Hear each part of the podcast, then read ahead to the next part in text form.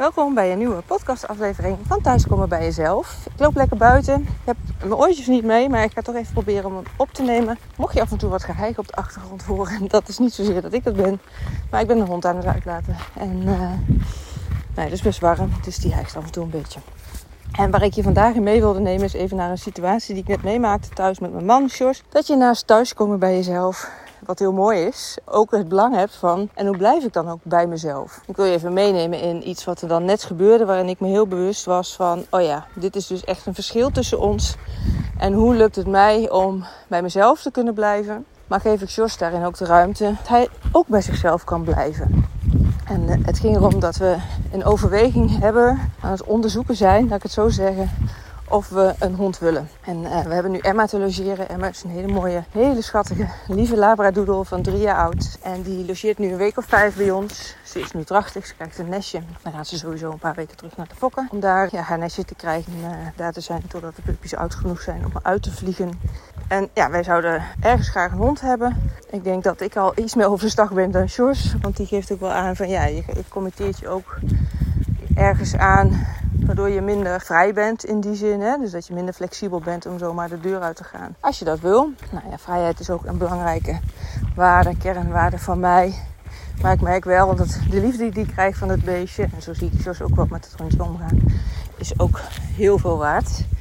En voor mij zit vrijheid er ook in om ja, nu deze hond te kunnen hebben. Omdat wij een leven hebben waarin we niet allebei van 9 tot 5 de hele dag werken. Maar juist heel bewust kiezen ja, hoe we onze dagen invullen. Dus dat betekent dat we gewoon heel veel vrijheid hebben over de dag. Om elkaar te zien, maar ook ja, om ruimte te hebben om een hondje te kunnen hebben. Ja, waar ging nou de discussie over het argument een labradoodle is best een kostbare hond. Kost 3000 euro. En 3000 euro is iets wat we op dit moment ja, gewoon niet op de plank hebben liggen voor een uitgave voor een hond.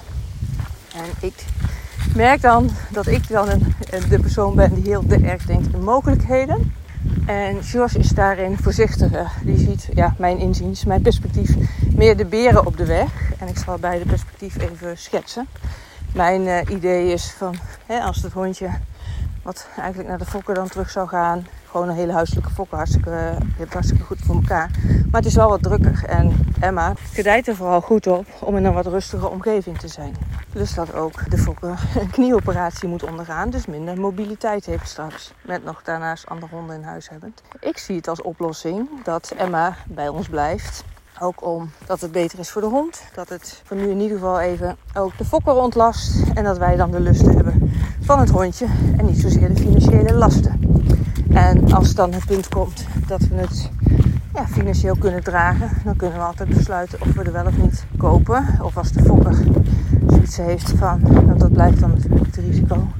Ja, hier ga ik niet mee akkoord, dan houdt het op.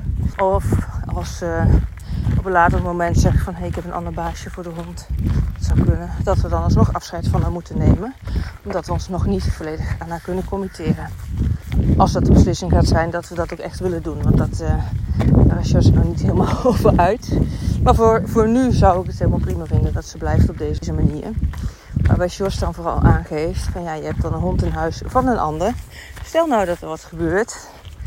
Dat hij dan niet daar de verantwoordelijkheid voor durft te dragen. Niet zozeer, nou ja, wie gaat het dan betalen als er wat is met de dierenarts of zo. Maar meer van, je hebt dan de hond van een ander in huis. En hij vindt het lastig, gaf hij aan. In ieder geval zo heb ik het geïnterpreteerd. Dat er dingen mee kunnen gebeuren uh, met iets wat niet van jou is. Ik hoop dat je een beetje begrijpt wat hij daarmee uh, bedoelt. Ja, het liefst zou hij zich gewoon financieel volledig willen voldoen. Zodat de hond helemaal van ons is. En dan heb je daar geen last van. En dan waren we steeds over in gesprek over en weer. En ik merkte dat we allebei, en dat is volgens mij iets heel menselijks, het gaan invullen voor de ander. Want zo kwamen er nog wat voorbeelden, werden er aangehaald door mij en door George, door allebei dat gebeurt dan meestal, ik weet niet of je dat herkent, in een eh, discussie. Dat er dan wat andere voorbeelden bij komen. Waarbij dan gesproken wordt dat ik daarin te makkelijk zou zijn. En andersom, dat ik dan weer terugnoem. Ja, een andere bewoording, maar dat Jos dan daarin te moeilijk zou zijn. En we hebben voor uitgesproken naar elkaar. Ja, niks is goed of fout. Het is meer, we zijn daarin echt anders. En Jos die gaf bij mij aan dat ik het dan te snel invul voor een ander. Hoe makkelijk dingen kunnen zijn. Ja, dan is het de andere kant natuurlijk hoe je het voor een ander kan invullen.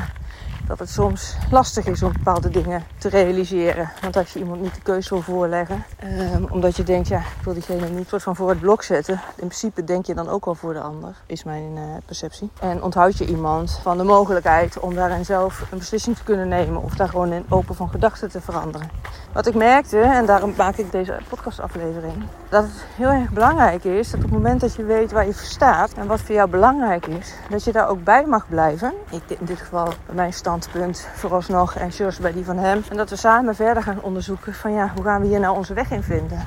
En wat mij dan vooral heel erg helpt, is dat het zo is dat we daar vandaag niet de beslissing over hebben te nemen. dat mogen we de tijd gunnen en kijken wat eruit komt. Dat het vooral belangrijk is daarover met elkaar in gesprek te blijven. Nou, dan gaat het heel eerlijk gezegd gewoon de ene keer makkelijker dan de andere keer. Het is ook wel eens zo dat uh, is, is misschien wel leuk om te weten. Jos is een uh, projector. Ik ben een manifesting generator. Dus we hebben wat dat betreft een hele andere energiestroom. En mijn signaal, zeg maar, dat ik niet in mijn flow zit, is frustratie. En bij Jos is het verbitterdheid als uh, projector zijn.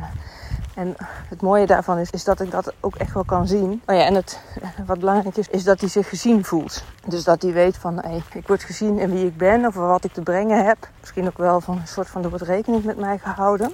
En ik in mijn Manifesting Generator energie, ja, ga heel snel in het maken van beslissingen. Of in ieder geval, ik ben heel flexibel en heel erg, um, misschien voor sommigen dat ik het daarmee goed uitleg, dat een beeld van de hak op de tak. Terwijl voor mij dat echt helemaal oké voelt. Maar dat de ander dat het soms lastig is om dat te volgen. En mijn uh, belangrijkste punt is ja, dat ik mensen wat meer mee mag nemen in de beslissingen die ik neem. Of in ieder geval het proces wat ik intern voer op basis waarvan ik beslissingen neem. En nu komt het nog veel te veel voor dat ik een beslissing heb genomen en dat dan deel. Waarin het heel herkenbaar is dat Jos dan denkt, ja maar wacht eens even. Hier ben ik niet in meegenomen deze beslissing komt voor mij wel uh, een beetje uit de lucht vallen. Ja, dat hij dan ook die uh, verbitterdheid ook echt wel uitstraalt. En het mooie wat ik dan weet, omdat ik zo bezig ben met human design, dat ik daar ook meer mijn rust in kan bewaren en weet dat het voor hem zo zit, waardoor ik meer ruimte heb. Dat ik het ook even op dat moment zo kan laten en er niet bovenop schiet, want dat had ik vroeger wel gedaan. Dan werd het echt een meer verhitte discussie. En dan gingen we bij elkaar olie op het vuur gooien. Terwijl nu weet ik wat er gebeurt. Ik zie wat er gebeurt. En ik kan er een beetje van de zijlijn naar kijken. Zonder dat ik me er emotioneel helemaal in laat meezuigen. En lukt het ook om er dan op een later moment meer op terug te komen. En ja, dat helpt heel erg voor mij om dus te blijven bij waar ik sta. In plaats van dat ze dan maar zeggen: Oh ja, dan maar geen hond, bijvoorbeeld. Ja, om dat, er maar uit te gooien. Of. Uh, nou ja, wat voor keuze er dan nog uit zou kunnen komen, afhankelijk van de situatie waar je in zit. Ja, dus dat is eigenlijk wat ik jullie uh, eens mee wilde geven naar een uh, hele persoonlijke situatie die ik dus net heb meegemaakt. Ik ben wel benieuwd of jullie dat ook herkennen, dat je vanuit emotie heel erg meegezogen kan worden in een bepaalde situatie. Dan vraag ik me af of jij het dan fijn zou vinden, of het je zou helpen om een bepaalde tool te hebben, waardoor je, zoals ik nu schets, wat meer het kan observeren wat er gebeurt en dan kan kiezen om op een andere manier daar invulling aan te geven. Want als dat zo is, dan is daarin Human Design een prachtig tool, een prachtig instrument om voor jezelf helder te hebben hoe het voor jou zit. Waar je aan je ook merkt van hé, hey, hierin merk ik dat ik in mijn flow zit en hieraan merk ik dat ik in de weerstand zit of tegen de stroom in aan het zwemmen ben. En dat je dat dus niet alleen kan herkennen voor jezelf, wat heel belangrijk is. Dat je dat dus ook van je partner weet of van je collega's. Ik werk met ondernemers en coach ook teams hierin. Dat op het moment dat jij weet van jezelf, maar ook van de ander, van je collega bijvoorbeeld, wat kwaliteiten zijn en hoe iemands energie het meest optimaal stroomt. Dat je daar meer rekening mee kan houden met elkaar. Maar ook kan kijken welke werkzaamheden leg je neer bij een bepaalde persoon of welke juist niet. Maar ook in de thuissituatie, in de privésituatie. Ja, hoe ga je om met als je een meningsverschil hebt of als er een keuze te maken is. Stel dat jij iemand bent die heel snel knopen doorhakt en meteen weet, vanuit een voelend weten, dit is wat ik te doen heb of dit is wat ik wil of dit is waar ik voor ga. Terwijl een ander misschien een design heeft. Wat betekent dat er ja, iemand daar een nachtje over mag slapen. Of misschien wel twee nachtjes voordat diegene vanuit voelend weten weet ja, wat het beste bij diegene past. Op het moment dat je dat van elkaar weet, dan heb je daarin ja, meer ruimte naar elkaar. Nou, laat het me weten als je daar dus interesse in hebt om dat voor jezelf helder te krijgen. Dan maak ik voor jou een persoonlijke ja, Human Design Chart, noemen ze dat. Een persoonlijke gebruiksaanwijzing waarbij je de belangrijkste elementen meekrijgt op PDF-bestand, zodat je dat altijd terug kan lezen En ook dat we daar een één op één call over plannen, zodat ik je daarin ook de uitleg kan geven. Die krijg je op video, dus die kun je dan altijd terugkijken. En als je het wenselijk vindt om meer gecoacht en begeleid te worden van hoe integreer je dat allemaal in je leven, dan is er ook nog de mogelijkheid om vier weken daarin begeleid te worden en middels Foxen Support. Dus dat is een soort WhatsApp, maar dan uh, heet het Foxen. En dan kun je me berichtjes sturen, vragen stellen, dingen waar je tegenaan loopt, kunnen we dan samen naar kijken, zodat je ja, alles wat je leert vanuit hoe jouw gebruiksaanwijzing werkt, het ook ja, echt gaat toepassen. Ik ben uh, heel spontaan, dat past ook in mijn design. Dus ik merk ook nu ik dit zo noem en ook het voorbeeld van een partner noemde, dat je het in je relatie kan inzetten, wil ik je ook de aanbieding doen dat op het moment dat je ervoor kiest om hier gebruik van te maken en er dan ook voor je partner een uh, sessie wil aanvragen. Normaliter is vooralsnog de prijs 250 euro. Die gaat binnenkort omhoog, einde van de maand, einde van de maand augustus. Dus mocht je deze na 1 september horen, dan klopt de huidige prijs niet meer. Maar dan kun je altijd even met me contacten om te horen wat dan de prijs is. Maar vooralsnog is het 250 euro voor één sessie, voor één persoon. Dus dat zou maken voor twee personen is dat dan 500 euro. En wat ik jullie als actie wil aanbieden is dat je, er, dat je er dus geen 500 euro samen voor betaalt voor die persoonlijke readings. Maar dat je daar 425 euro voor betaalt. Dus dat betekent een korting van in totaal 75 euro. Mocht je daarna nog de Foxer support erbij willen, laat het me dan even weten, want dan geef ik je ook daar de prijsopgave van. Maar in ieder geval, normaliter is dus de prijs van een 1 op 1 sessie met een PDF-bestand uitgebreid en de call waarvan je de videoopname krijgt 250 euro. Plan je direct een tweede voor jouzelf en je partner of misschien wel je collega, dat mag ook. Dan is het in plaats van 500 euro dus 425 euro. Weet dan dus dat die prijs gehanteerd wordt tot 1 september. Daarna zal nog steeds een combi-deal zijn dat er een korting is. Maar de 1 op 1 sessie voor één persoon, die zal na 1 september hoger worden. Dus dan, uh, nou ja, weet je of je snel in de actie mag komen of als je het op zijn beloop laat, dat uh, de prijs omhoog gaat. Ik bedank je voor het luisteren. Ik wens je een hele mooie dag toe en een heel mooi leven. En ik hou je ook nog even verder op de hoogte ja, hoe het uh, zich gaat ontwikkelen met uh, Emma. Of we er wel of niet in huis houden. Want dat is misschien wel leuk voor jullie om te blijven volgen.